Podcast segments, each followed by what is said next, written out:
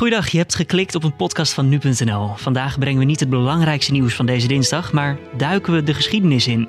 Op 5 mei vieren we de bevrijding en staan we ook stil bij hoe die bevrijding tot stand is gekomen. En precies dat doen we vandaag in deze podcast. We gaan terug naar het einde van de Tweede Wereldoorlog, de bevrijding van Nederland. En dat was, op zijn minst gezegd, een chaotische tijd. Niet heel het land was in enkele bevrijd. Het ging stuk voor stuk en daar werden grote offers voor gebracht. In deze podcast praten we over die dagen na de bevrijding en de dagen en weken na de bevrijding. Hoe verliep dit en hoe was de verwelkoming terug thuis? Hierover praat ik met Frank van Vree, algemeen directeur van het NIOT. Dat is het Instituut voor Oorlogs, Holocaust en Genocidestudies. En ook aangeschoven, maar op veilige afstand uiteraard, Joost Nederpelt van onze eigen redactie. Joost, uh, heel eventjes voor de duidelijkheid. Waarom ben jij onderdeel van deze podcast. Wat is jouw link met de Tweede Wereldoorlog? Ik ben oorlogshobbyist, laten we het zo maar noemen. Oorlogshobbyist. Ja, ja meneer Van Vree, uh, ja, dan bij u te komen. U heeft een citaat meegenomen wat eigenlijk precies met dit onderwerp te maken heeft. Ja, dat klopt. Het is een citaat uit uh, later opgeschreven herinneringen van mijn vader... die uh, dwangarbeider was in Duitsland als 22-jarige uh, verdween naar Altenburg in de buurt van Duitsland, dus helemaal in het oosten. En uh, die daar meer dan twee jaar in een munitiefabriek werkte, onder, met voornamelijk Russen en Polen, die overigens ongelooflijk slecht werden behandeld. Die werden echt ter plekke vaak doodgeslagen. Nederlanders die daar zaten, enkele tientallen, die hadden het over het algemeen nog redelijk goed. Maar mijn vader die, die, die schrijft op een gegeven moment over half april 1945, wanneer de Amerikanen komen en het, en het, uh, en het werkkamp uh, en de, wordt, uh, wordt bevrijd. een klein stukje voorlezen. Toen we het laatste luchtalarm hadden gehad, half april 1945, was het meteen afgelopen. Toen zaten de Amerikanen gelijk in Turingen. Het was toen een chaos. Iedereen jatte en stal wat los en vast zat. Het was, de hele goederentreinen werden leeggehaald. We hadden snel een paar goedlopende radio's te pakken. Ook de legermagazijnen werden geplunderd. Daar lag nog van alles. Meel, grutten, suiker, schoenen, kleren, wijn, jenever, echte koffie, enzovoort, enzovoort. En niet zo weinig. Niemand hield iets tegen. Ook de Amerikanen niet. En vervolgens beschrijft hij dan hoe ze daar nog wekenlang... Uh, betrokken waren bij het bewaken van die voormalige fabriek. Hoe ze uh, de, de, de Duitse burgers te hulp kwamen die belaagd werden door Russische krijgsgevangenen. Die uh, het land afstroopten op en alles wat ze tegenkwamen. Probeerden te stelen. En nou, dus uiteindelijk beschrijft hij dan hoe die dan. en dan zitten we al in juni, dus dan zijn we al bijna twee maanden verder. Hoe die dan in een week in een goederentrein via Zuid-Duitsland, Frankrijk, Luxemburg tenslotte in Maastricht uh, terechtkomt, waar die wordt, zoals alle repatrianten, wordt gedesinfecteerd, uh, medisch wordt gekeurd, wordt gekeken of die een toevallige foute Nederlander is. Nou, dat was hij niet. En zo kwam hij dan uiteindelijk thuis in Oost-Brabant bij zijn ouders. Hij was net 24 geworden. En ik probeer me wel eens voor te stellen, als je net 24 bent, 23, 24, in wat voor wereld je dan eigenlijk uh, geleefd hebt dit schetst zo duidelijk van hoe chaotisch die terugkeer was. Hè? Hoe er eigenlijk vrijwel niets geregeld was en hoe je op jezelf was. Ja, ja, nou kijk, ik denk als, als we iets willen begrijpen van, uh, van die periode, hè, dan hebben we het eigenlijk vanaf eind 44, wanneer de eerste delen van Europa worden bevrijd, ook in het oosten, maar en ook in het, uh, in het westen, maar vooral in het oosten. De totale uh, chaos die er ontstond het gaat echt uiteindelijk, als je die periode 44, 47 neemt, gaat het over miljoenen, vele miljoenen mensen. Hè? Vergelijk het met Syrië vandaag de dag, maar dan in het kwadraat. Het gaat ook over hele grote, hele verschillende groepen van mensen, displaced persons, zoals we noemen. Mensen die, die, die van huis en haard waren uh, verdreven. Ook soms binnen het land, ook in Nederland. Hè. Denk maar aan bijvoorbeeld de, de mensen uit Zeeland die hadden moeten vluchten voor het oorlogsgeweld rond de Westerschelde. Dan hebben we het over september 44. De mensen die gedwongen geëvacueerd waren, waren uit de, uit de kustgebieden. maar vooral de mensen in Duitsland, in, uh, in, uh, in, in, Polen, hè, waar de grote werkkampen lagen. Nou, daar hebben we het over, echt over heel veel mensen. Om een beetje een idee te geven, de stad Rotterdam uh, heeft uiteindelijk 70.000 mensen gerepatri moeten repatriëren. 70.000 repatrianten in. Dus dat geeft iets aan over de omvang in Nederland. Het gaat echt over honderdduizenden mensen die ergens in Europa waren. Maar in Duitsland en, en Oost-Europa gaat het echt over tientallen miljoenen mensen die van huis en haard waren verdreven. Ja, en dan gaat het over, dan gaat het over verschillende categorieën mensen. Dus mensen die gevlucht waren voor het oorlogsgeweld. Uh, je hebt mensen die waren uh, te werk gesteld in Duitsland via de arbeidseinsatz. Ja, dat zijn er in het totaal 600.000 die niet allemaal overigens in Duitsland zaten, maar waarvan de meerderheid, meer dan de helft, was toen nog in Duitsland. En, was, waaronder uw vader? Waaronder mijn vader, ja. precies. En dan hebben we natuurlijk de mensen die werden vervolgd, die uh, als ze het overleefd hadden op een andere plek. Ja, de, de mensen in de kampen. En, de, en dan hebben we het met name over de, de, zeg maar de concentratiekampen als Dachau, Boegenwald. En, en de honderden kleinere kampen. Dus daar gaat het over mensen in gevangenissen in Duitse gevangenissen uh, zaten. Dan hebben we ook nog de, uh, ook de foute Nederlanders, om het zo maar te zeggen. De NSB'ers die in september 1944... dolle dinsdag. Op dolle dinsdag, die uit angst voor het snelle oprukken van de geallieerde troepen naar Duitsland waren. Er waren er ook duizenden, die zaten ergens in Duitsland. Dan hebben we tienduizenden, twintigduizend uh, Nederlanders die dienst hadden genomen in de Germaanse SS.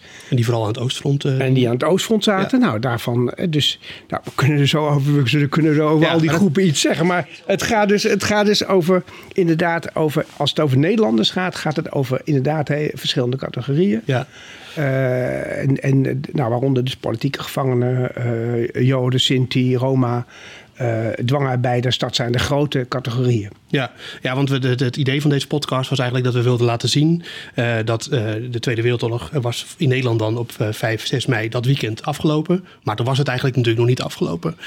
toen kwam er natuurlijk nog een hele grote stroomopgang van mensen die vanuit alle plaatsen, waar we het eigenlijk net over hadden, van heen en verre, deze kant op kwamen, moesten komen. zoals uw vader is dan met een, met een goederentrein uiteindelijk deze kant op gekomen. Weet u of dat voor veel dwangarbeiders geldt? Nou, ik, eh, misschien is het. Uh, ik denk dat eigenlijk alle verhalen anders zijn. Dat het heel moeilijk is om te generaliseren. Dat uh, misschien. We kunnen, kan er maar voorbeelden geven. In, in, er zaten een paar honderd Nederlanders zaten in Dachau, in het concentratiekamp in de buurt van München. Eh, het oudste concentratiekamp uit 1933, ook een van de grootste, waar uh, ongeveer uh, een derde tot de helft van de mensen omgekomen is tijdens de oorlog. Die en een indrukwekkende plek om een keer te bezoeken. Een indrukwekkende plek. Ja. Nou, de, de, in, in, uh, in het boek van, van Jolande Withuis, die beschrijft daar op basis van archieven hoe die bevrijding eigenlijk verliep. Nou, in de eerste plaats, toen het bevrijd werd, zaten die mensen zaten allemaal nog in het kamp. En die waren vaak te zwak om zelf te reizen. Uh, dus die moesten wachten, soms wekenlang, maandenlang zaten die nog in een kamp voordat ze uiteindelijk uh, naar huis konden. En de vraag was, hoe gingen ze dan naar huis? Nou, Nederland, uh, Nederland was al met die problematiek. De regering in Londen was al sinds 1942 43 bezig om dat voor te bereiden. Maar Nederland was natuurlijk zwaar getroffen in de oorlog. Er was gewoon helemaal niks. De, de, de, de openbaar vervoer lag plat. De, treinen, de sporen waren vernieuwd. Geen middelen om zomaar hele grote groep... Ja, om een grote groep op te halen. Dus eh, wat je ziet, dat, dat Nederland vrij laat was. En ook vrij laks was. Eh, of laks, in de ogen van die, van die gevangenen waren ze laks. en die zaten daar te wachten. En er gebeurde niks. Uiteindelijk zijn een groot deel van die gevangenen in Dachau... die zijn met met 60 auto's opgehaald. En dan hebben we het echt al we hebben het over juni. we hebben het over een paar, flinke tijd na de bevrijding. Nou, dat is één voorbeeld. Een, misschien het meest extreme voorbeeld zijn, uh, zijn dwangarbeiders. die toevallig in het oosten van Duitsland werkten. en die door de Russen werden bevrijd. En die werden door de Russen gevangen genomen, want die konden niet duidelijk zien wie nu een Duitser was en wie een Hollander was. En het ook niet horen waarschijnlijk. En konden dat ook niet horen en eh, ze, ze, ze, verstonden alleen maar Russisch. Dus een aantal van die, en dan hebben we het over een paar honderd van die, eh, van die dwangarbeiders, die zijn in Russische krijgsgevangenkamp terechtgekomen. En een aantal daarvan, die, zijn, die slaagden er niet in om eruit te komen. En die hebben daar tot 1950, vijf jaar lang, terwijl ze apart nog deel hadden aan wat er gebeurd was. Ze waren eigenlijk waren ook slachtoffers. We dachten dat ze bevrijd werden. En toen bleken ze ineens gevangenen, dus krijgsgevangenen te zijn van de Russen. Ja. En die, uh, nou, dat heeft dus vijf jaar geduurd voordat die terug waren. Dat en, zijn, uh, en konden de Amerikanen, die, of de, de Britten of de Canadezen, die dat soort uh, fabrieken waar dan dwangarbeiders actief waren, konden die dat onderscheid wel beter maken? Of zijn er ook nou, kijk, van... wat, wat, wat, wat er eigenlijk gebeurd is, want ik, er is, wel, er is toen echt natuurlijk heel hard geprobeerd om orde in de chaos te scheppen. Internationaal ook. En dat was ook redelijk voorbereid al. Wat ik zei, Nederland participeerde daar ook in. De internationale overleg om straks al na de oorlog al die mensen, alle mensen weer terug te brengen. En uh, het, men maakt eigenlijk geen onderscheid tussen verschillende categorieën. Uh, uh, of men nu een, een gevluchte NSB'er was of een overlevende van een vernietigingskamp. In principe ben je door die hulporganisaties, die internationale hulporganisaties, je moest je paspoort laten zien. Uh, je, je, of je nationaliteit werd vastgesteld. Als je nationaliteit werd vastgesteld, weet je, zo goed en zo kwaad als het ging, werden mensen teruggebracht naar het land waar ze vandaan kwamen. Hoe dan ook. En uh, dus, dus die politieke gevangenen, of de, de Joodse overlevenden, werden in principe hetzelfde behandeld als de dwangarbeiders. Of inderdaad de NSB'ers die naar Duitsland waren gevlucht. Dus uh, die, die organisatie werkte gewoon dus waren puur zeg maar, neutraal. Dat is zeg maar de voorloper van een VN-organisatie. Er waren, dus de, de, Rode Kruis was heel actief. Dus er waren verschillende organisaties die bezig waren om die, die displaced persons uh, uh, terug te brengen. Sommige mensen wilden trouwens niet meer terug naar het land waar ze vandaan kwamen. Dat waren dan waarschijnlijk vooral de NSB'ers, uh, die categorie? Nee maar, ook die, nee, maar ook die Joodse slachtoffers die bijvoorbeeld niet terug wilden. Of mensen die uh, uh, Polen of Russen die niet terug wilden naar communistisch Rusland. Nee, oké. Okay. En zo zijn er dus ook krijgsgevangenen, Poolse krijgsgevangenen die in Limburg zaten, die zijn daar gebleven. Dus daar is een Poolse gemeenschap die daar in de oorlog ook ontstaan is. Of mensen gingen naar Joodse overlevenden die naar Israël zijn gegaan. Uh, dus er zijn. Uh, het, het, het, geeft denk ik ook wel wat ik nu vertel. Want ik vertel een heleboel dingen over verschillende groepen. Maar het geeft iets aan van de complete uh, de, de enorme aantal en de ogenschijnlijke anarchie van de totale chaos die er 44, 45 bestaat. En daar probeerde men dus wel degelijk met alle macht iets aan te doen. Ja, dat zegt u. Er werd geprobeerd om orde daarin te scheppen. Mm -hmm. Maar in hoeverre was dat dan uiteindelijk wel gelukt als we nu terugblikken?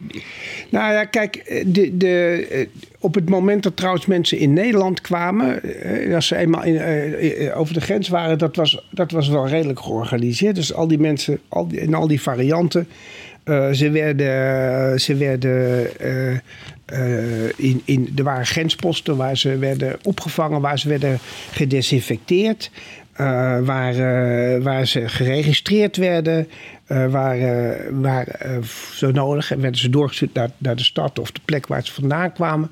In de grotere steden was noodopvang geregeld. Uh, als mensen geen huis meer hadden.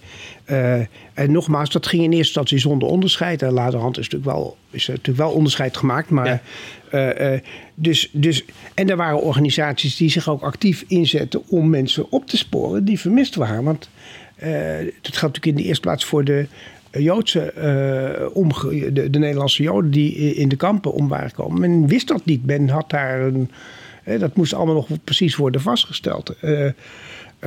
Voor heel veel mensen is eigenlijk nooit bewezen dat ze, waar ze, dat ze vergast zijn, vermoord zijn. En dat, nee, ook omdat dus, de Duitsers dat wel bijhielden, maar dat die archieven niet allemaal be, bewaard zijn gebleven. Precies. Nee. Dus, hè, dus er zijn, er zijn, uh, er zijn uh, de actieve commissies geweest die nationaal en internationaal uh, die, die, die geprobeerd hebben allerlei mensen die zoek waren weer, weer te traceren. Uh, die Rode Kruis hield zich daarbij bezig. En een organisatie waarvan de archieven in Duitsland liggen, de International Tracking Service. Groot archief waar miljoenen mensen in zitten, die dus in die oorlog ergens, die, die, die op een gegeven moment weg waren. En die men op die manier heeft geprobeerd te traceren. Ja. Communicatie is daarbij natuurlijk ook belangrijk. Van als de gegevens op een gegeven moment in het buitenland liggen en je komt in Nederland, ja, er was geen internet of wat dan ook. Nee. Je kon, je kon niet eventjes zomaar. Ja, het staat, het staat ja. daar op die website. Nee, dat, dat, ging natuurlijk allemaal heel anders op die manier. Um, even een beetje um, de context over de, de, de dwangarbeiders, de arbeidseinsatz. Um, uh, hoe, wanneer begon dat in Nederland? Wanneer werden mensen uh, opgeroepen om te werken en waar kwamen ze dan te werken? Nou, dat is op zichzelf, daar valt heel veel over te vertellen. Uh, het verhaal begint namelijk eigenlijk al voor de oorlog. Toen er werk, mensen die werkloos waren in Nederland, die werden op een gegeven moment konden ze verplicht te werk worden gesteld. Uh, dat begint er in de jaren, grote crisis van de jaren 30. Werden ja. mensen verplicht te werk gesteld, anders verloren ze hun uitkering. En het is een, een geschiedenis die we graag natuurlijk vergeten. In de grensstreek werden op een gegeven moment 35, 36, 37... werden mensen die werkloos waren in Nederland... werden in projecten in Duitsland te werk gesteld. Aan bijvoorbeeld de autobaan uh, die in die periode... Ja, die werden in ja. ontginning verplicht. En op een gegeven moment vond men dat toch wat ongemakkelijk... aangezien de Joodse, anti-Joodse maatregelen in Duitsland veel sterker werden. Nou, de, de Joodse werklozen waren dan op een gegeven moment in Enschede vrijgesteld... Van, om te werken in Nazi-Duitsland. Maar daar is dus een continue lijn. Als de Duitsers hier komen, dan worden die, die werk, een deel van de jongere werklozen worden dan in te werk gesteld in Duitsland. En er is een vrijwillige arbeidseinsatz in eerste instantie. Maar vanaf 1942, wanneer dus zeg maar de Duitsers de oorlog beginnen te verliezen aan het Oostfront. Stalin had natuurlijk de grote ommekeer. Naarmate Duitsland meer arbeidskrachten, meer militairen nodig heeft aan het front, en meer arbeidskrachten in het land heeft, dan beginnen de grote uh, operaties voor de arbeidsinzet.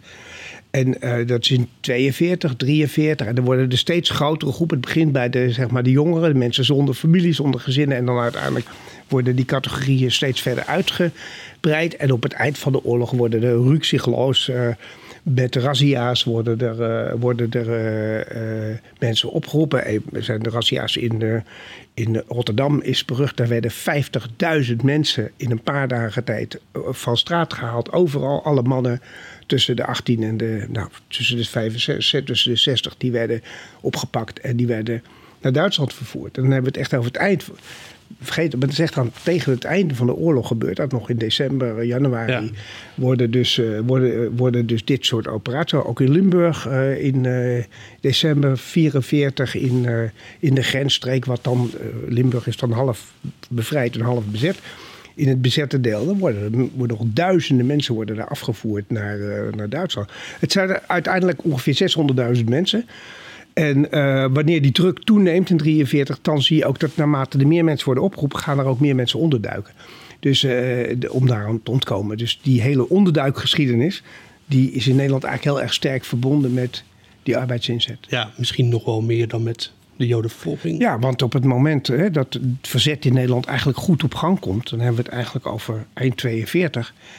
In 41 is het verzet bijna weg. Het is, bijna, het is echt zo klein geworden 41, 42, begin 42. En de deportaties van de, of de, de, de, het scheiden van Joods en niet-Joods en de deportaties, die vinden in die periode plaats. Dus als het verzet in Nederland begint, dan hebben, dan is dan, dan hebben de Joodse Nederlanders al de grootste klappen gekregen. Waarom was het verzet klein geworden in 1941 als tussenhaak?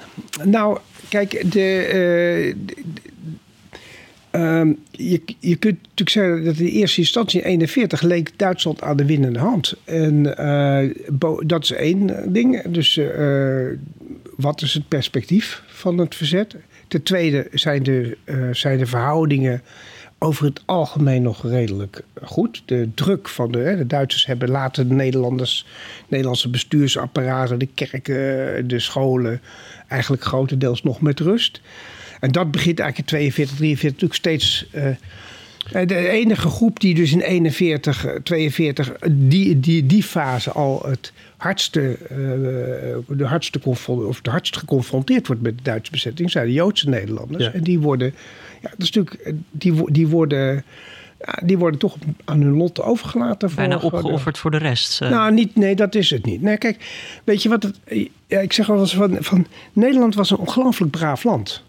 Uh, in de jaren 20 en 30. Ook nog in de jaren 50. Nederland was een ongelooflijk burgerlijk land waar iedereen. Niet opstaan tegen de autoriteiten. Niet opstaan, maar vooral nee. omdat men vertrouwen had in de autoriteiten. Dat is niet helemaal weg hè, vandaag de dag. We zijn nog steeds een volk wat vertrouwen heeft in zijn autoriteit. Ja. En, en, en je, dus dat, dat, uh, dat gevoel van, ach ja, maar het zal zo vaart niet lopen. En het liep ook aanvankelijk helemaal niet zo vaart. Nee. Dat gaf ook een soort vals vals, gerust, vals geruststellend gevoel. Er moesten ook er moesten een paar dingen gebeuren waar de bevolking boos van werd eigenlijk. Ja. Uh, zoals uh, verhalen dat kerkklokken uh, uit, de, uit de kerken werden gehaald ja. en dat soort dingen. Daar worden mensen natuurlijk... Dat nou ja, en, die, en die arbeids, en de arbeid, op, die oproep ja. van die arbeids. Ja. En, en je, je kunt zelf zeggen dat voor een deel, ook in de Joodse gemeenschap dat vertrouwen er was. Ook in de Joodse gemeenschap. Maar hij heeft me heel lang vertrouwd dat er met de Duitsers te praten viel.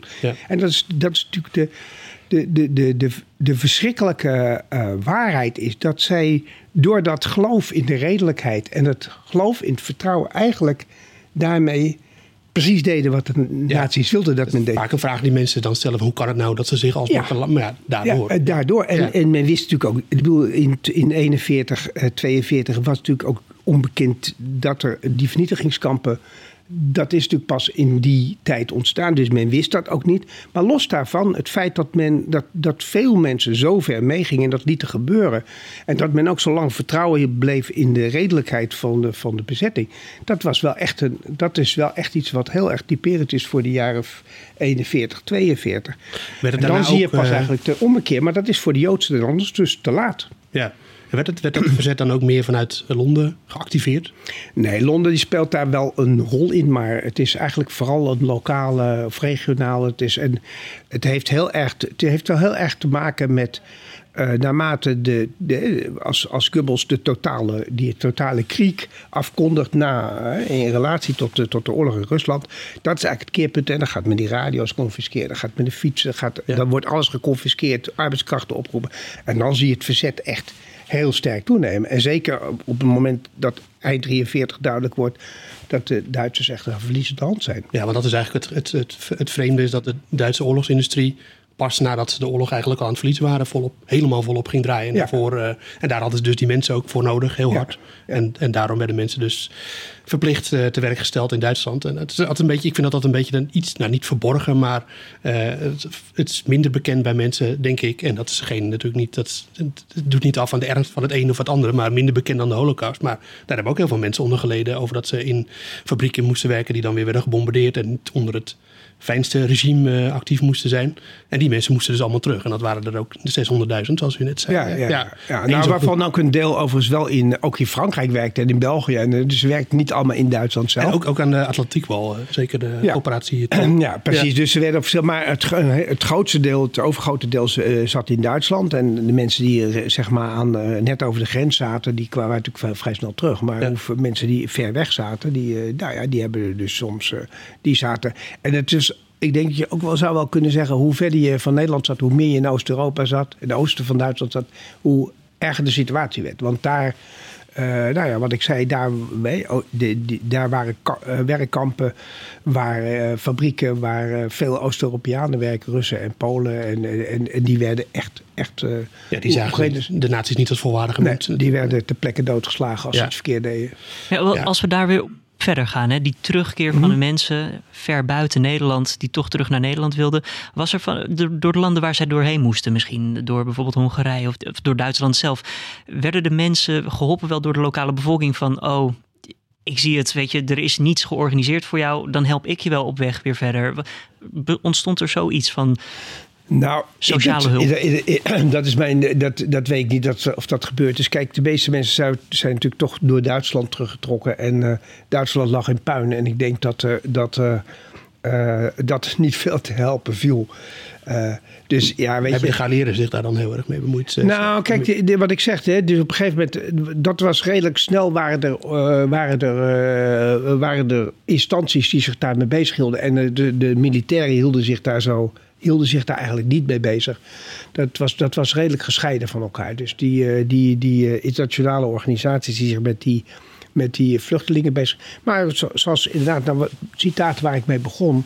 Wat, uh, dat, wat mijn vader dan uh, beschreef en wat hij vroeger ook vertelde toen wij kind waren. Uh, ik kan me niet van herinneren dat hij dan. Ja, weet je, dat was gewoon. iedereen deed maar wat. En, en je werd toch een beetje aan je lot overgelaten. Op een gegeven moment, ja, dan moest je ook een beetje wachten totdat je weer naar huis kon.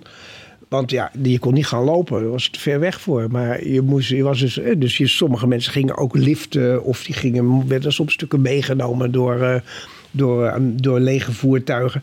Maar voor de rest bemoeide het leger zich er niet mee. Dus inderdaad, er zit een periode van dat mensen redelijk aan hun lot waren overgeleverd. Ja, en dat geldt dan, de, de meest verzwakte groep is dan waarschijnlijk de holocaust-overlevenden. Uh, ja. en, die, en die kwamen terug in Nederland. En en toen?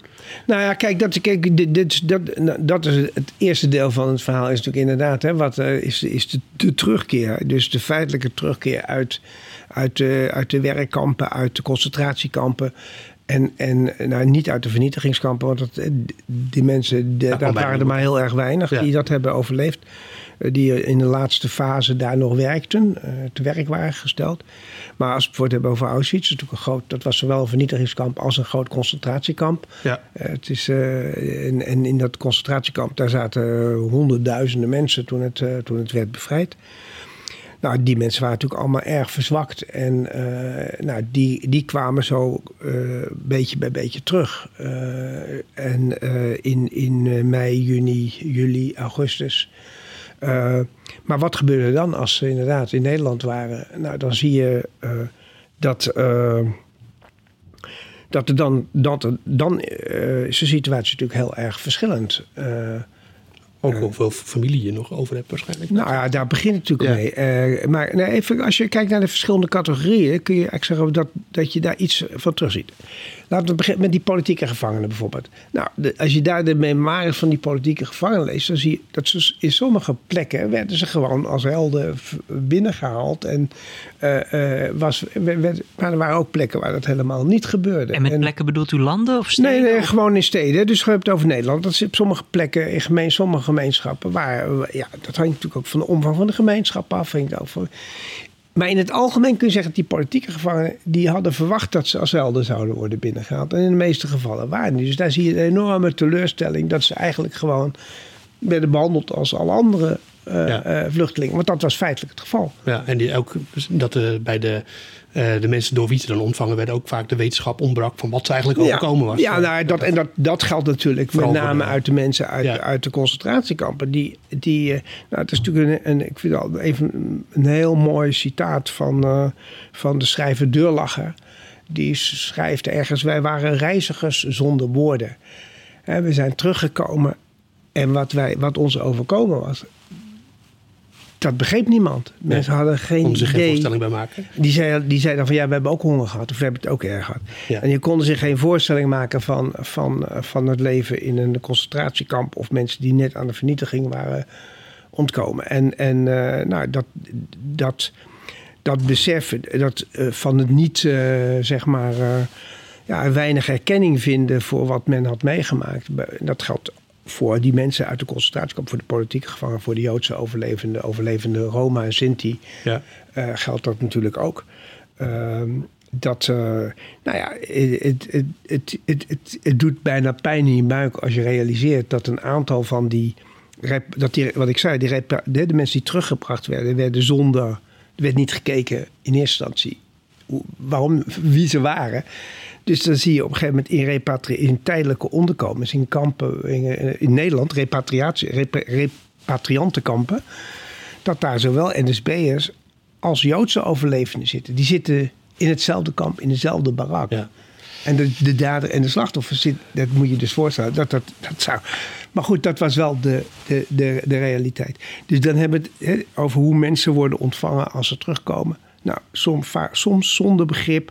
Is natuurlijk weer anders dan, eh, dan, eh, dan de, de, de mensen uit de arbeidsinzet. Die, uh, waarvan, duidelijk wat. Precies, en waar, die door hun kinderen of door hun familie werden onthaald. En, en, welke rol speelde de Nederlandse overheid daar dan toen al in? Konden ze, wisten die bijvoorbeeld wel heel goed van de ernst van de holocaust en wat daar gebeurd was? En nou, die daar een beetje naar Ja, dat, dat is dat, de, zeg maar wat er, wat er, wat er in, de, in de vernietigingskampen was gebeurd. En ook trouwens in een aantal van de concentratiekampen. En noem, neem bijvoorbeeld Gardelegen. Dat is een, een, Ik denk dat de meeste mensen nog nooit van dat kamp hebben gehoord. Nee. Nou, dat was een kamp in, uh, in, eh, in, het, eh, in, eh, in Duitsland, waar, waar op het eind nog 600 gevangenen zaten. En die, die zijn allemaal vermoord door de, door de SS toen, het, toen, le- toen de, de er aankwamen. Dat zijn gruwelijke beelden.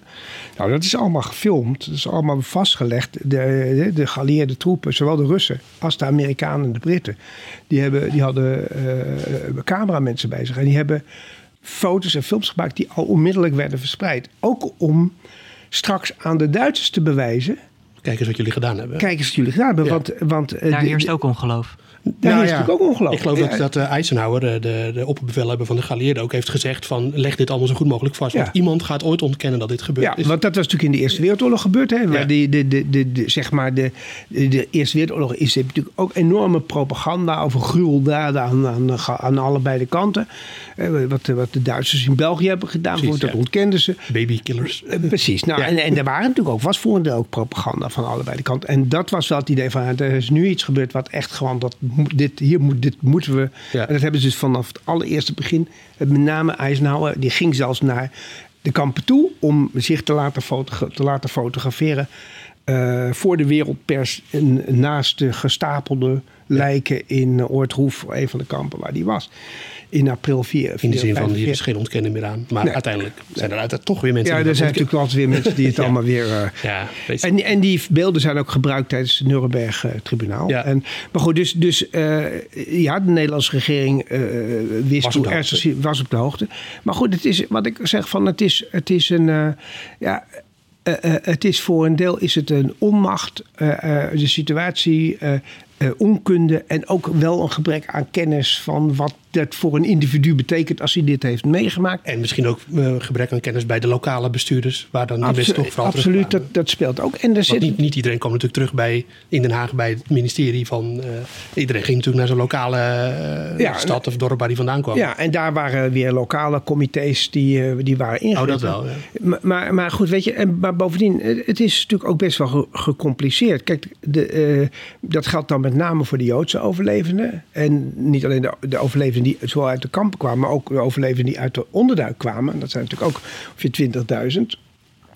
Die op een gegeven moment eh, teruggingen naar de plek waar ze gewoond hadden. En daarachter kwamen dat die huizen waren geconfiskeerd in de oorlog. Dat, ze, dat er andere mensen woonden. Dat al hun huizen waren alles kwijtgeraakt. Ja. En die moesten dat vervolgens terugkrijgen. Nou was er al inmiddels een wet, waren allemaal wetten opgesteld in Londen.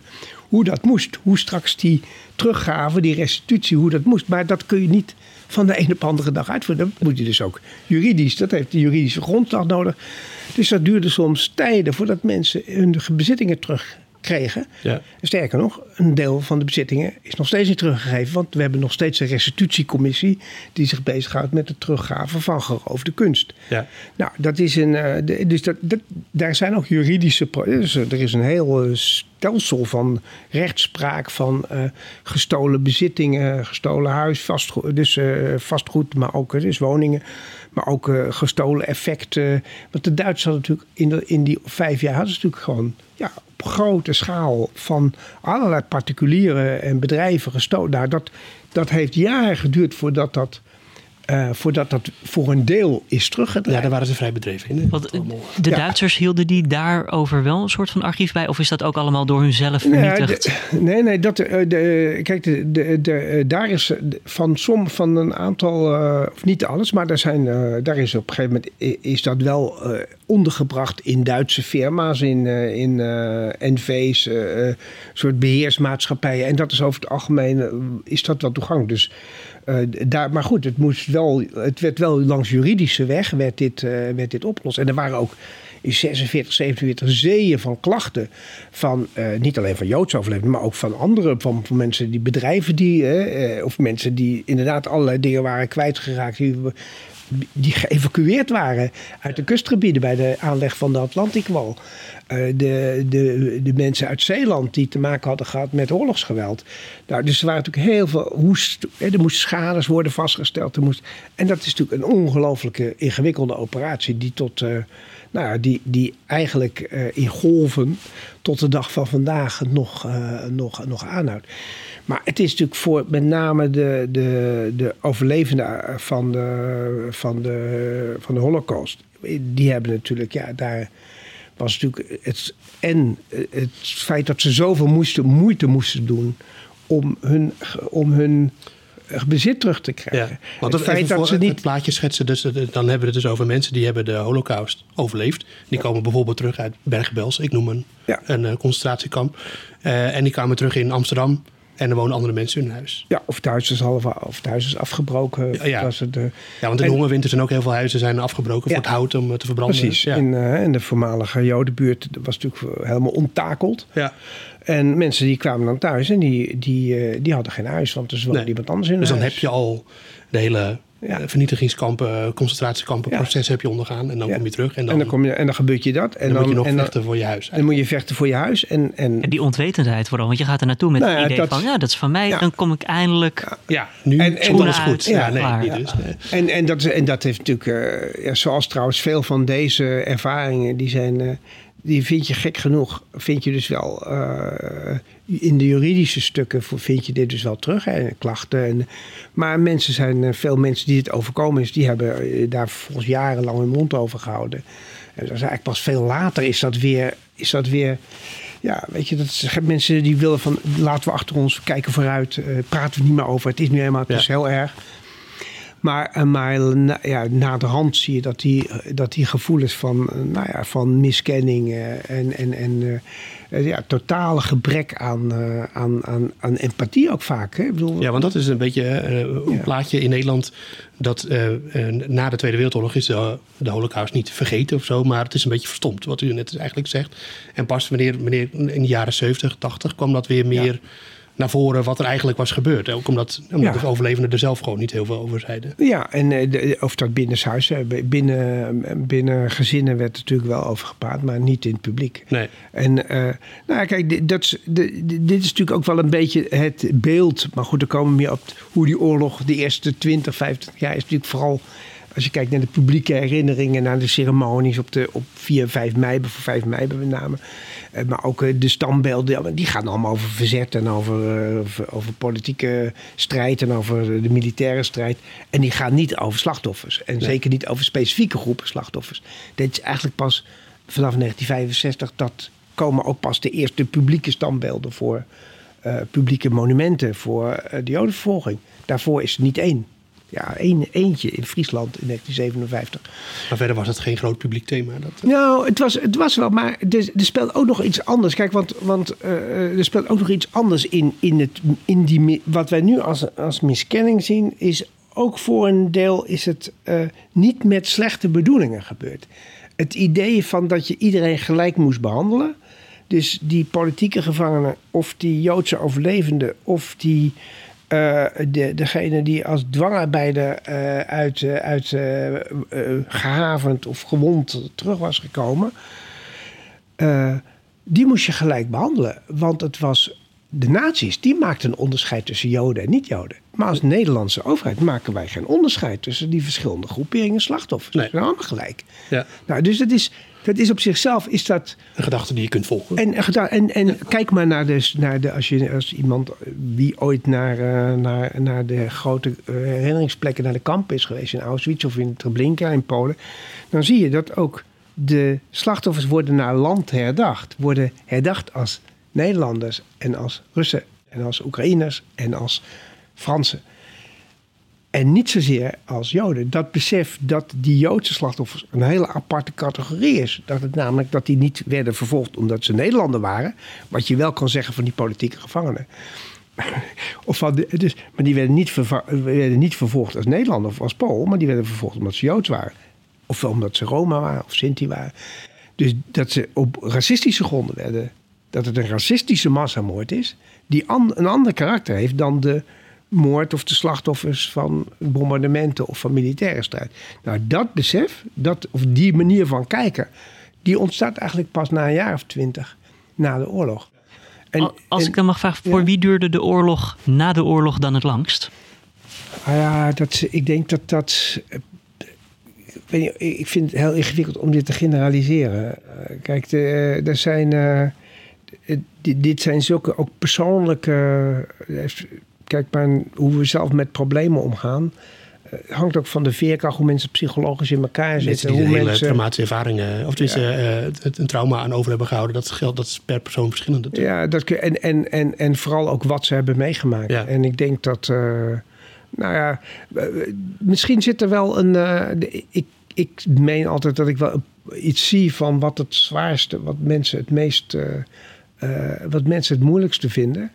Eh, is, eh, mensen, is, is vernedering en niet gezien worden. En dat fysieke pijn en honger, dat vergeet je. Dat is op een gegeven moment, dat is een soort herinnering. Ja, dat gaat weer weg. Maar dat gaat weg. Je, je, kan, je voelt dat niet na. Maar eh, als je de echte me- mensen die, die, die de diepste sporen die het bij mensen achterlaat zijn. ervaringen, ervaringen van, van, van diepe vernedering. Omdat dat, dat raakt namelijk aan je, aan je persoon, aan je eigen identiteit. Ja, je wordt op een gegeven moment door degene in wiens handen je bent, word je niet meer als mens gezien, maar als nummertje. Ja. Dat was natuurlijk, zeker in de, in de holocaust was dat zo. Ja, ja. En, eh, het stond zelfs op armen genoteerd en Ja. je bent dit nummer. Ja. En, eh, en dat, moet, dat moet ook een vreselijk gevoel ontmenselijking. Ja. En ik denk wel dat, dat daardoor die miskenning die sommige die mensen bij, bij terugkeren eh ervaren, dat dat wel in het verlengde lag. Dus dat dat daarom ook hele diepe sporen heeft achtergelaten. En, en eh, dat, eh, ja, dat je, als je dat hebt meegemaakt en je mensen geen enkele interesse of willen daar niet naar luisteren, dat is ook wel wat je in, die, in de memoires Ja. terugvindt. Als ik hier even een zijstraat in mag, want als je het hebt, mensen die terugkwamen in Nederland. Nou, er was in veel gevallen in ieder geval wel erkenning voor van jullie hebben geleden. Maar eh, de Russische Sovjets krijgsgevangenen die werden door de Duitsers nou, barbaars behandeld. En er zijn volgens mij uit mijn hoofd 3 miljoen Ja. ongeveer Sovjet-soldaten omgekomen in Duits krijgsgevangenschap. Maar toen die weer teruggingen naar de Sovjet-Unie, werden ze gezien als mensen die zich hadden overgegeven en die zich hadden dood moeten vechten. En die werden daarna gewoon in veel gevallen vrolijk doorgestuurd naar de, de Gulag. En Ja. ja, Ja, dat- die, dat- ja die, die, ik wil niet in overtreffende trappen praten, Nee, nee, maar, ik vind dat wel... is natuurlijk in, nee, maar de, de, dat is natuurlijk de, de, de Stalin, de, het Stalinisme heeft natuurlijk wat dat betreft in Rusland. eh, Ja, dat is voor ons onbegrijpelijke, gruwelijke, Ja. gruwelijke taferelen. En eh, dat, eh, ja, over ontmenselijking gesproken ja, eigenlijk. ja, absoluut, absoluut. Dus dat is een. Ja, dat, eh, daar, daar, daar was het. eh, daar gebeurden dingen die, die ook totaal onbegrijpelijk zijn. En die, Ja. eh, waar de Russen nu vandaag dag nog steeds mee worstelen hoe ze met die geschiedenis moeten omgaan. Ja. Maar dat is een ander vraagstuk. Ehm, eh, maar het is een aanloopje naar mensen die vanuit Nederland de strijd aangingen met de Duitsers tegen de Bolshevisten. Ja. En die, de Bolsjewieken, en dat was natuurlijk ook een groep die, of stierven aan het Oostfront, dat kwam natuurlijk ook voor. Maar die kwamen ook weer terug. Eh, hoe werden die onthaald? Nou, de, de, dat, is, dat is inderdaad wel een verhaal apart. Hè? Dus een, een, een, een, enkele duizenden eh, eh, mensen die aan het Oostfront hebben gevochten. Er zijn uiteindelijk niet zo heel veel van teruggekomen. Er zijn ook een aantal zijn ook, om, zijn ook uiteindelijk dood gegaan, gestorven. Ook van slechte omstandigheden. Ja, in, in, overigens werden die niet alleen maar naar Siberië gestuurd, hoor. werden niet alleen maar naar de Gulag gestuurd, maar eh, eh, veel van de krijgsgevangenen werden ook ingeschakeld bij, het, eh, weder, bij de wederopbouw van, eh, van Rusland. En ik was ooit in het Pushkin-paleis in de buurt van Sint-Petersburg. En dat is helemaal, eh, is een barok paleis. En Het is helemaal door krijgsgevangenen opnieuw eh, gebouwd, steentje voor steentje, met wat er over was. Nou, dus zo zijn grote delen van Rusland herbouwd er met viel een 4 hoop, miljoen, 4 miljoen er krijgsgevangenen. viel ook een hele hoop te herbouwen. Dat Er viel een heleboel te herbouwen, ja, hele steden. Dus ook in Polen en Oekraïne zo. Ja. Maar die, de- de- dus, eh, overigens werden in Nederland Duitse krijgsgevangenen ook ingezet voor eh, klusjes. Eh, onder andere het opruimen van de mijnen in Ja. de duinen. Waar er ook eh, doden zijn gevallen. Wat helemaal niet mag volgens het... eh, Nee, Genève, de conventie van Genève. Maar het gebeurde ook in Nederland in Ja. 1945. Maar goed, in, in Rusland... eh, die krijgsgevangenen die werden inderdaad... pas vanaf 1950 werden ze weer, weer vrijgelaten. En nou, de, het grootste deel in ieder geval is tussen 50 en 55 pas teruggekomen naar, naar Nederland. Ja. En dat, nou, de, de, een aantal van die mensen. Er zijn natuurlijk in Nederland, dat is weer een heel ander verhaal. Hè? Maar het is natuurlijk ook inderdaad. eh, We houden van zijstraatjes. nou, dat is dus de zuiveringen en de vervolgingen. Eh, en eh, die, eh, een deel van die mensen die dus in, eh, in het Oostfront heeft gevochten, waarvan een aantal dus ook eh, waarschijnlijk betrokken is geweest bij moorden in, eh, in eh, Polen, in Oekraïne, in, in Rusland. Staten, ja. die zijn, voor zover ik weet, nooit daarvoor veroordeeld. Ze zijn wel veroordeeld voor dienstnemen in, in, de, in de, of, krijgs, vreemde krijgsdienst, hè, dus bij de vijand in dienst treden. Ze zijn, veel van die mensen zijn veroordeeld voor dingen die ze in Nederland hebben gedaan voordat ze weggingen. Of dat is voor veel van die, dat soort mensen ook een aanloop hè, naar... ja, precies. Hè? Sommige mensen hebben daar gezeten, kwamen dan gegeven moment weer terug en gingen dan bij de hulp, eh, hoe heet het, bij de landwacht of bij de, bij de Duitse, eh, bij de, of bij de politie. En die zijn daarvoor veroordeeld. Maar uh, heel veel van deze mensen die dus aan het Oostfront hebben gevoerd, Nederlanders, die zijn nooit veroordeeld voor wat ze daar hebben gedaan. En dat is nog een redelijk onbekend uh, terrein. Ja, want die mensen die waren uh, over het algemeen bij de Waffen-SS. Ja. niet bij de gewone Wehrmacht. Ja. En de Waffen-SS tenminste, dan zit je toch iedereen in de contraien. Hoewel iedereen zich daar natuurlijk uh, van Duitse zijde schuldig heeft gemaakt aan vreselijke dingen. Ja. Maar de SS uh, was bij toch uitstek. Ja. ja. bij uitstek de club die daar zich heel erg heeft misdragen. En dan druk ik me heel zacht uit. Maar dat. Ja, nee, want we hebben ook wat dat betreft. we hebben, en dan komen we eigenlijk een beetje terug van waar we het verhaal mee begonnen. Ons beeld van de Tweede Wereldoorlog is natuurlijk heel erg bepaald door de westerse geallieerde blikken. De Brits-Amerikaanse versie van de Tweede Wereldoorlog. En dat is toch vooral die die day dat is... Keerpunt. ja, was het niet. Keerpunt. Maar, en, maar, maar goed, het, en, en, en eigenlijk, ja, weet je, zeker in Frankrijk en België, daar was het Eerste Wereldoorlog erger dan de Tweede, om het zo maar te zeggen. Er zijn veel meer doden gevallen. Dat zie je ook in Frankrijk terug. Die Eerste Wereldoorlog is veel, heeft veel dieper ingehakt op die samenleving door de Tweede Wereldoorlog. Voor Nederland geldt dat niet. Nederland is, was ook het zwaarst getroffen land in West-Europa. Ja. Relatief in allerlei opzichten, economisch gezien ook. Ja, in de Tweede Wereldoorlog.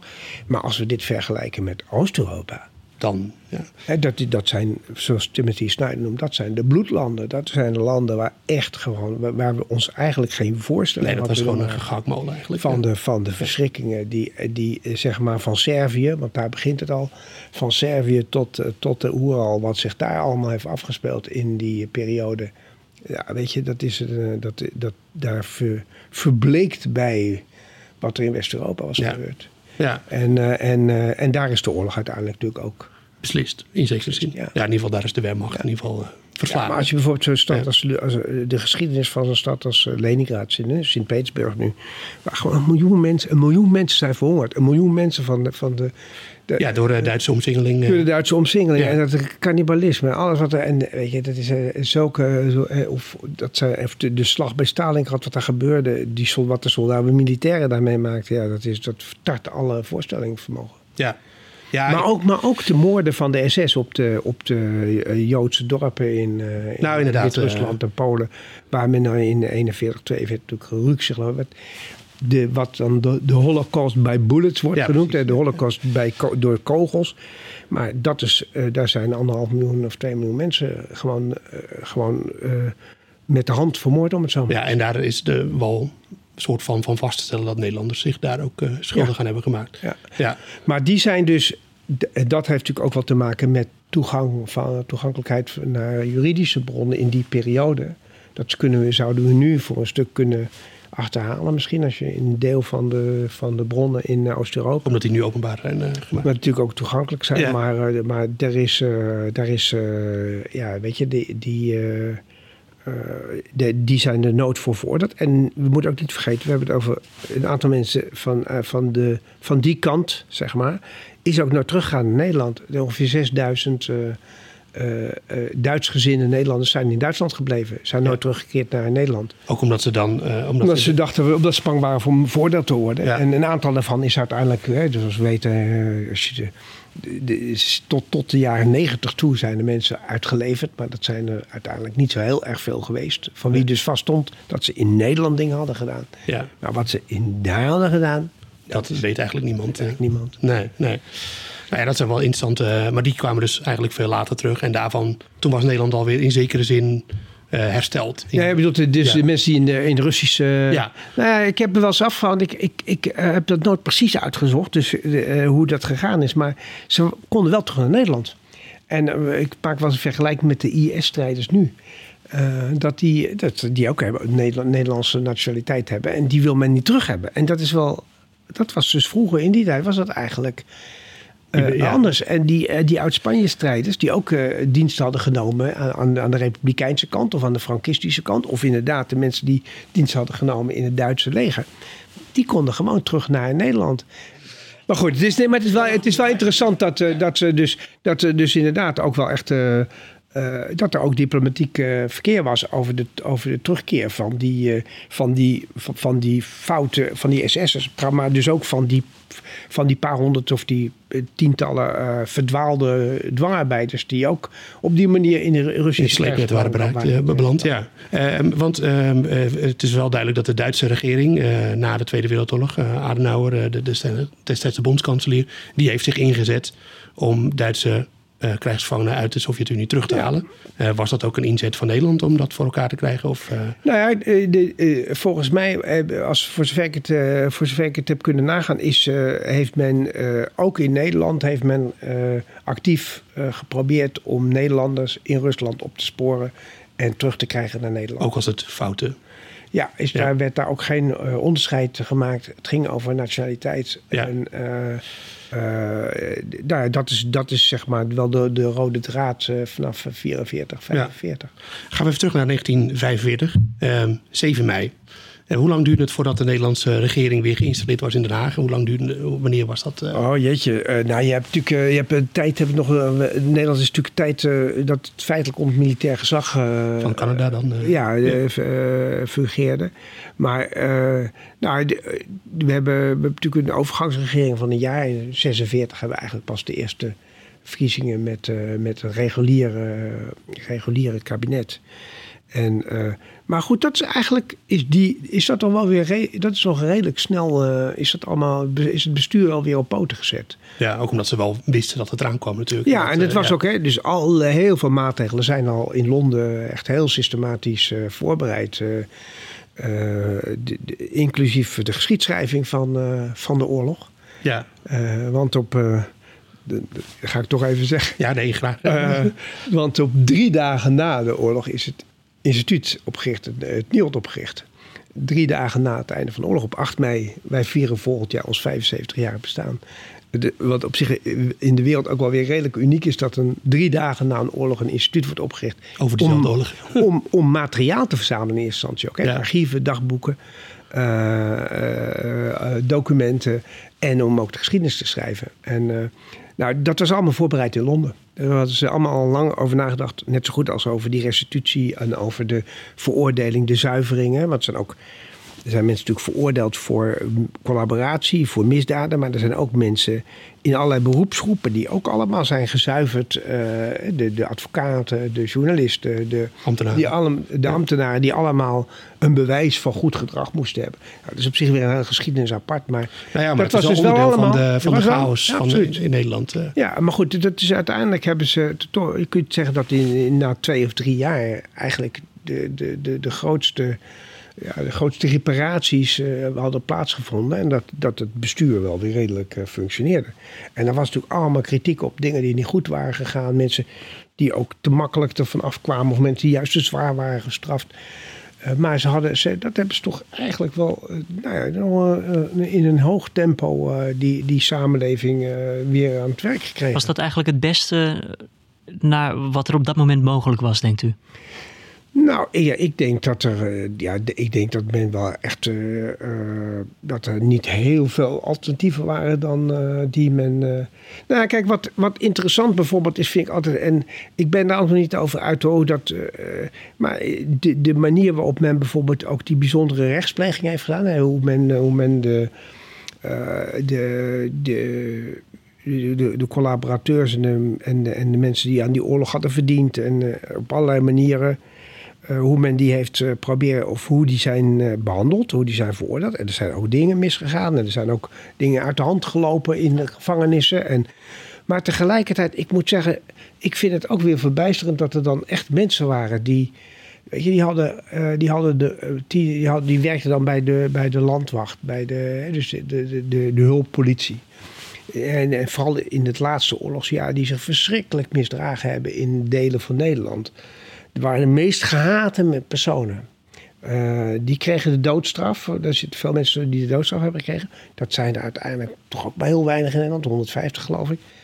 Eh, maar een aantal van die hebben uiteindelijk, die zijn door psychiaters onderzocht. En die zijn, eh, die zijn dus gewoon, die hebben die straf nooit gekregen. Die dat zijn ontoerekeningsvatbaar. Maar dat men in, in- dat men in, in 46, 47, dat men gewoon mensen die echt gewoon verschrikkelijke dingen hadden gedaan. Op die manier al konden... Ah, en dat ja. met de niet te minder, je kunt alweer kritiek hebben op die, hoe sommige psychiaters dat dan deden. Maar, maar men heeft echt geprobeerd om, eh, om recht te spreken.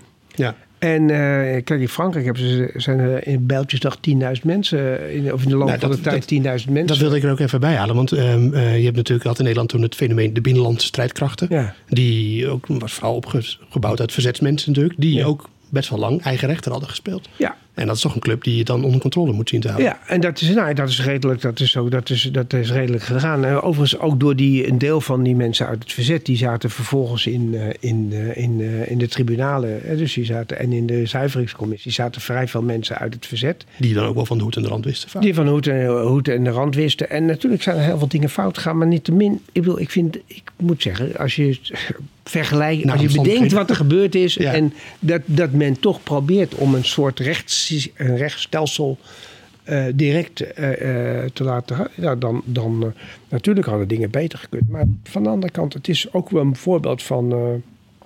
nou, toch van een grote beheersing, zou ik zeggen. Want zo'n bijltjesdag, zoals u net in Frankrijk erbij haalde. Dat, en dat gaat dan om oud-verzetsmensen vooral. Of eh, de bevolking die wraak nam op collaborateurs. eh, Ja, Ja. En, en, en dat is natuurlijk hier met de, de, de, de, de, de, het kaalscheren van, eh, van vrouwen die soms helemaal niks hadden gedaan dan, dan als 16-jarige een keer gezoend met een Duitse soldaat. ja, dat is echt het En eigen. dat, zijn, en dat is allemaal diep treurig dat er, hè, wat daar gebeurt. Maar grosso modo, in zijn algemeenheid, kun je toch, vi- vind ik het ook wel weer eh, bewonderenswaardig hoe een aantal dingen wel goed zijn gegaan. Laat ik het zo uitdrukken. En, en waarom is dat in Frankrijk dan niet gelukt? Heeft u daar, omdat Frankrijk was ook al eerder bevrijd natuurlijk. Nou ja, kijk, ja, dus, eh, nou Maar- ja, kijk, ik denk, ik heb al eerder gezegd, Nederland is, Nederland is een braaf land. ja. En is Nederland is een ordelijk land waar men ook vertrouwen heeft in instituties. Eh, in Frankrijk was natuurlijk daarvoor, voor de Tweede Wereldoorlog, was ook al een veel ruigere, rauwere verzetscultuur. Eh, eh, de, communistische, de communistische partij of de trotskistische partij in. dus de, en en de, de, dat is de, de ja, ironie is niet het goede woord, maar de, dat is hetzelfde als de Joodse, eh, de, die, eh, de Joden in België, die over het algemeen uit Oost-Europa kwamen, en dat geldt ook voor Frankrijk, die waren eigenlijk beter voorbereid op wat er zou kunnen gebeuren dan die in Nederland. Eh, In de zin, in die, waren, die, hadden, die kwamen uit Polen, kwamen uit Rusland, waar al sinds 1880 de verschrikkelijke pogroms hadden plaatsgevonden. Dus die waren op hun hoede. ja. En in Nederland wa- was er ook het gevoel, ja weet je, maar wij wonen, niet, wij wonen in Nederland. Ja. Hier gebeurt dit niet. Nee, eigenlijk zoals wij... eh, ik kom uit West-Friesland en dan zeggen wij... die mensen zijn niks gewend eigenlijk. Dat is een beetje... We waren te braaf. We, We hadden dat soort braaf, dingen. ja, ja, ja. En, en, eh, en dat is, ja, eh, dus, dus wat, wat het mooie eraan was, eh, verkeerd dan is het tegendeel. Ja, ja, ja.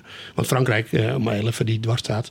Frankrijk heeft natuurlijk misschien ook wel een grotere collaborateursgeschiedenis dan Nederland. Omdat natuurlijk Vichy Frankrijk een deel... eh, Ja, Ja, dus het, is een, eh, het, heeft twee, eh, het heeft twee kanten. In die Ja. zin dat in Frankrijk de politieke tegenstellingen ook veel groter waren. En, eh, en dus ook een deel van de, van de politiek. gewoon aan de van de gevestigde politiek naar de Duitse, een, een, op een akkoordje gooit met de Duitsers. Ja. Nou, dat is in Nederland een beetje gebeurd met de Nederlandse Unie, maar die zijn eigenlijk door de bevolking zelf teruggefloten. Dus eh, en Ja. dat is natuurlijk nooit echt gebeurd. Wat in Frankrijk gebeurde, stel je voor dat eh, Brabant, Zeeland en Limburg zich afzonderden als een soort halve vazalstaat. eh, Ja. Wat natuurlijk met, in Frankrijk wel gebeurde Ja. met eh Vichy Frankrijk. Ja. Nou jongens, dan hebben we eigenlijk in bijna een uur tijd zoveel meegemaakt, zoveel besproken over dat de oorlog dus eigenlijk helemaal niet was afgelopen na 5 mei. Het ging nog door, eh, ja, hoe mensen, terug, van, ja. ja. hoe mensen terugkwamen naar Nederland. Eh, ja, nou in ieder geval hartstikke bedankt voor deze informatie. Frank van Vree, algemeen directeur bij het NIOT. En Joost, jij natuurlijk ook even bedankt voor het aanschuiven hier. Eh, ja, we, we kunnen bij jou natuurlijk, je hebt afgelopen weekend heb je een interessant weekendartikel geschreven. Afgelopen weekend een stuk over ehm, waarom of hoe Duitsland eigenlijk de oorlog heeft verloren aan het Oostfront, waar we het net ook al eh, over hadden. Omdat nou, door de westerse films en eh, toch vaak het, het Amerikaanse, Britse verhaal wordt verteld. En niet dat dat niet helemaal waar is, maar het gaat er meer om dat, dat er een grotere context is eigenlijk. En die, er gebeurde meer. De, nou, er gebeurde meer. De, het is niet zo dat de, de westerse geallieerden Duitsland alleen hebben verslagen. Integendeel. Uh, en dit weekend heb ik wat um, dingen op een rijtje gezet van die tijdens de bevrijding zijn gebeurd van Nederland. Die mensen waarschijnlijk niet weten of misschien niet weten. De echte freaks weten dat allemaal wel. Die denken, goh, wat is dat voor gesneden koek? Maar voor de normale nu.nl lezer is dat denk ik wel interessant om te lezen. Onder andere over de, de slag om Texel in de, de meidagen van, uh, of april, mei 1945. Franse parachutisten in Drenthe, weet ook denk ik niet heel veel mensen van. Dus dat zijn allemaal wel leuke dingen nog om te lezen. Joost, uh, ik overval je misschien een beetje met deze vraag, maar we hebben vandaag dus een hele lange podcast over de Tweede Wereldoorlog gemaakt. Ja. Uh, jij, bent een, ja, jij leest je graag in over de Tweede Wereldoorlog. Als mensen nou meer willen weten, wat zou je aanraden qua boek of podcast of film? Of wat zou nog eventjes een tip zijn? Um, de, qua podcast Hardcore History van Dan Carlin. Is een Amerikaan. Je moet er wel Engels voor, spreken en verstaan vooral. Dat is, die heeft een hele interessante podcastreeks over de Eerste Wereldoorlog. Maar hij heeft nu ook een hele leuke reeks over de de, de strijd in de Pacific, de, uh, over Japan, hoe dat opkwam en zo. Dat is allemaal, daar moet je echt de tijd voor nemen. Um, en voor de rest uh, ben ik vooral uh, fan van de boeken, maar eigenlijk allemaal wel Engelstalige boeken. Van James Holland is een Engelse schrijver. Die heeft ook net een boek uit over Normandië, heb ik hem gelezen. Over de strijd op Sicilië, dat soort boeken allemaal. Ja, als je echt wat in detail wil. En dat is het mooie van de Tweede Wereldoorlog. Je kan nooit ver genoeg in detail gaan, want je bent nooit uitgeleerd. En ik denk, denk altijd dat ik er redelijk wat van weet, maar uit dit gesprek hoor ik weer allemaal dingen die ik nog niet wist. En ik was dat stuk aan het maken over dingen over de bevrijding die, die ik misschien niet wist. Maar dat verhaal over die Franse parachutisten in Drenthe, lees het vooral, wist ik ook niet bijvoorbeeld. Oh, dus dat was nieuw voor mij, weet je Dus... Uh, Um, maar echt uh, een podcastreeks over de Tweede Wereldoorlog heb je wel, maar daar ben ik niet echt. En qua boeken ben ik nu bezig in het boek en ik heb hem nog niet uitgelezen. En dat is echt een klassieker. Dus meneer Van Vree gaat nu zeggen: well, nu ga je die nu pas lezen. Maar dat is De Welwillenden. En dat is zware kost. En je moet een beetje geen tere ziel hebben, maar het is wel een super interessant boek. Dankjewel Joost en dankjewel Frank.